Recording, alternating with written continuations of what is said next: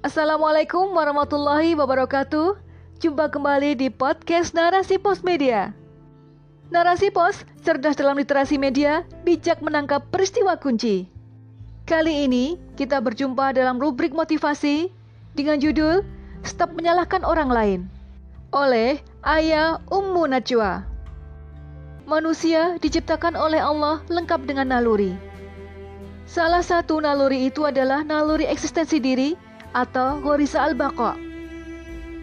Naluri Baqa ini meliputi rasa ingin dihargai, ingin selalu benar, ingin menjadi yang paling unggul, termasuk juga rasa tidak mau disalahkan. Memang, naluri ini adalah bawaan diri manusia, tidak bisa dipisahkan dan harus dipenuhi. Namun, bukan berarti pemenuhannya harus dengan diumbar sesuka hati dan tanpa aturan. Sudah manusiawi memang. Manusia akan merasa paling benar dan tidak mau disalahkan. Namun, bukan berarti dirinya selalu benar. Setiap orang pasti pernah melakukan kesalahan. Maka dibutuhkan nasihat. Sebab dalam Islam nasihat adalah termasuk syariat. Nasihat menasihati mempunyai kedudukan yang sangat penting dalam Islam. Bahkan dikatakan agama adalah nasihat. Di dalam Al-Quran sendiri, terdapat banyak sekali ayat yang memerintahkan untuk beramar makruf nahi mungkar. Dengan adanya saling menasihati atau amar makruf nahi mungkar tadi, diharap kehidupan manusia menjadi tentram dan terjadi perdamaian selaras dalam aturan Rabb semesta alam.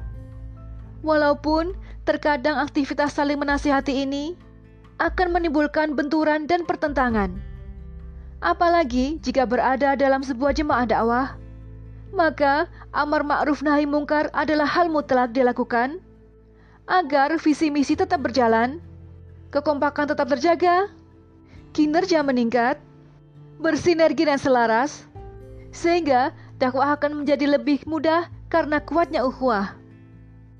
Perilaku manusia yang suka menyalahkan orang lain merupakan bentuk pelarian dan menghindarkan diri dari tanggung jawab atas situasi pelik yang sedang menimpanya, disebabkan tindakan atau perkataan tertentu membuat kondisi semakin rumit. Tatkala manusia ingin keluar dari situasi ini, maka ia akan mengambil tindakan yang paling mudah, yaitu dengan melimpahkan kesalahan pada orang lain agar ia selamat. Di sinilah kambing hitam diperlukan. Allah berfirman dalam surat Ghafir ayat 47. Dan ingatlah, saat mereka berbantahan di dalam neraka, maka berkatalah orang yang lemah kepada orang yang menyombongkan diri. Sungguh, kami dulu adalah pengikutmu. Lalu, apakah kamu dapat melepaskan sebagian azab neraka yang menimpa kami? Sesungguhnya, sifat suka menyalahkan orang lain sudah ada sejak zaman Nabi Adam. Ini dilakukan pertama kali oleh iblis ketika diperintahkan oleh Allah untuk bersujud kepada Adam. Iblis yang telah tumbuh kesombongan dalam dirinya dan merasa lebih baik menolak perintah tersebut dan merasa sakit hati serta tidak terima ketika dilaknat oleh Allah. Sehingga ia menyalahkan Adam atas situasi yang menimpanya dan bersumpah untuk terus menggoda dan menyesatkan keturunannya sampai hari kiamat kelak. Situasi ini pun kembali terulang saat kurban yang Kobil persembahkan kepada Allah tidak diijabah karena ketidaklayakannya dan sebaliknya Allah menerima kurban dari Habil. Maka rasa iri dan dengki menguasai Kobil. Kemudian ia menyalahkan Habil atas keadaan yang ia hadapi. Sehingga ia akhirnya membunuh saudaranya itu. Sesulit apa pun persoalan yang sedang dihadapi, berhentilah menyalahkan orang lain. Lebih baik segera lakukan introspeksi dan evaluasi, serta memohon ampun kepada Allah. Setelah itu, berusaha mencari solusi, memperbaiki kualitas, bersabar, dan senantiasa memohon pertolongan Allah Subhanahu wa Ta'ala. Ketika dikeluarkan oleh Allah dari surga, Nabi Adam tak pernah menyalahkan Hawa. Hawa pun tak menyalahkan Adam mereka tak saling menyalahkan. Bahkan Mereka pun tidak menyalahkan iblis yang telah menggoda dan menyesatkan mereka dengan memakan buah di surga. Yang mereka lakukan adalah mengakui segala dosa dan salah mereka kepada Allah. Mereka berdoa sebagaimana yang difirmankan Allah dalam surat Al-A'raf ayat 23. Wahai Tuhan kami, kami telah zalim pada diri kami sendiri.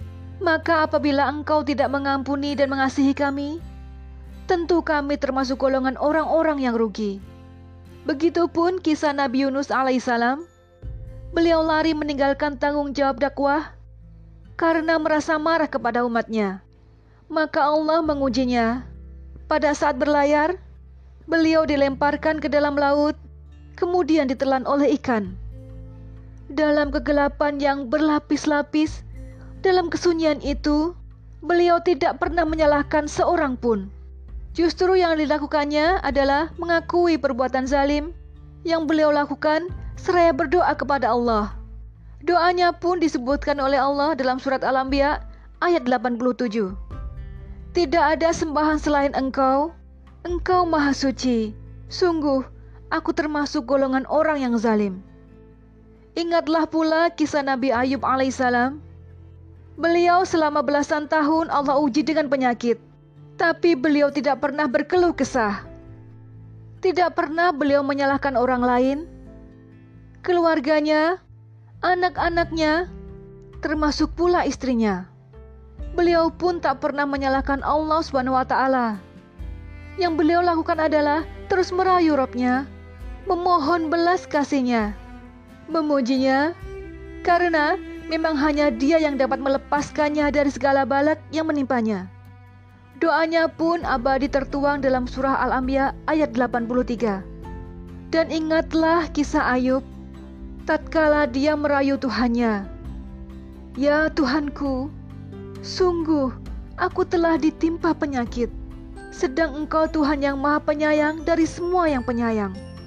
Inilah yang harus dilatih oleh manusia untuk senantiasa hidup dalam keikhlasan tanpa menyalahkan orang lain baik lingkungan, keluarga, suami atau istri, anak-anak, teman, guru, apalagi sampai menyalahkan Allah. Nauzubillah. Sahabat muslimah, hidup adalah pilihan. Apa yang dijalani saat ini merupakan hasil dari jalan yang telah dipilih. Sedang setiap pilihan akan selalu ada konsekuensi yang harus ditanggung. Ketika memilih menjadi karyawan, maka tanggung jawab sebagai karyawan wajib dilaksanakan. Taat aturan, disiplin, taat kepada pimpinan, dan sebagainya.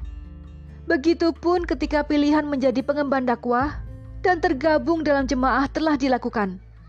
Maka akan ada komitmen yang harus dijalani. Senantiasa memperbarui niat untuk terus ikhlas karena Allah, istiqamah, tumbuhkan militansi, selalu siap menerima nasihat, baik arahan, saran, kritik, maupun teguran jika lalai. Wallahu a'lam.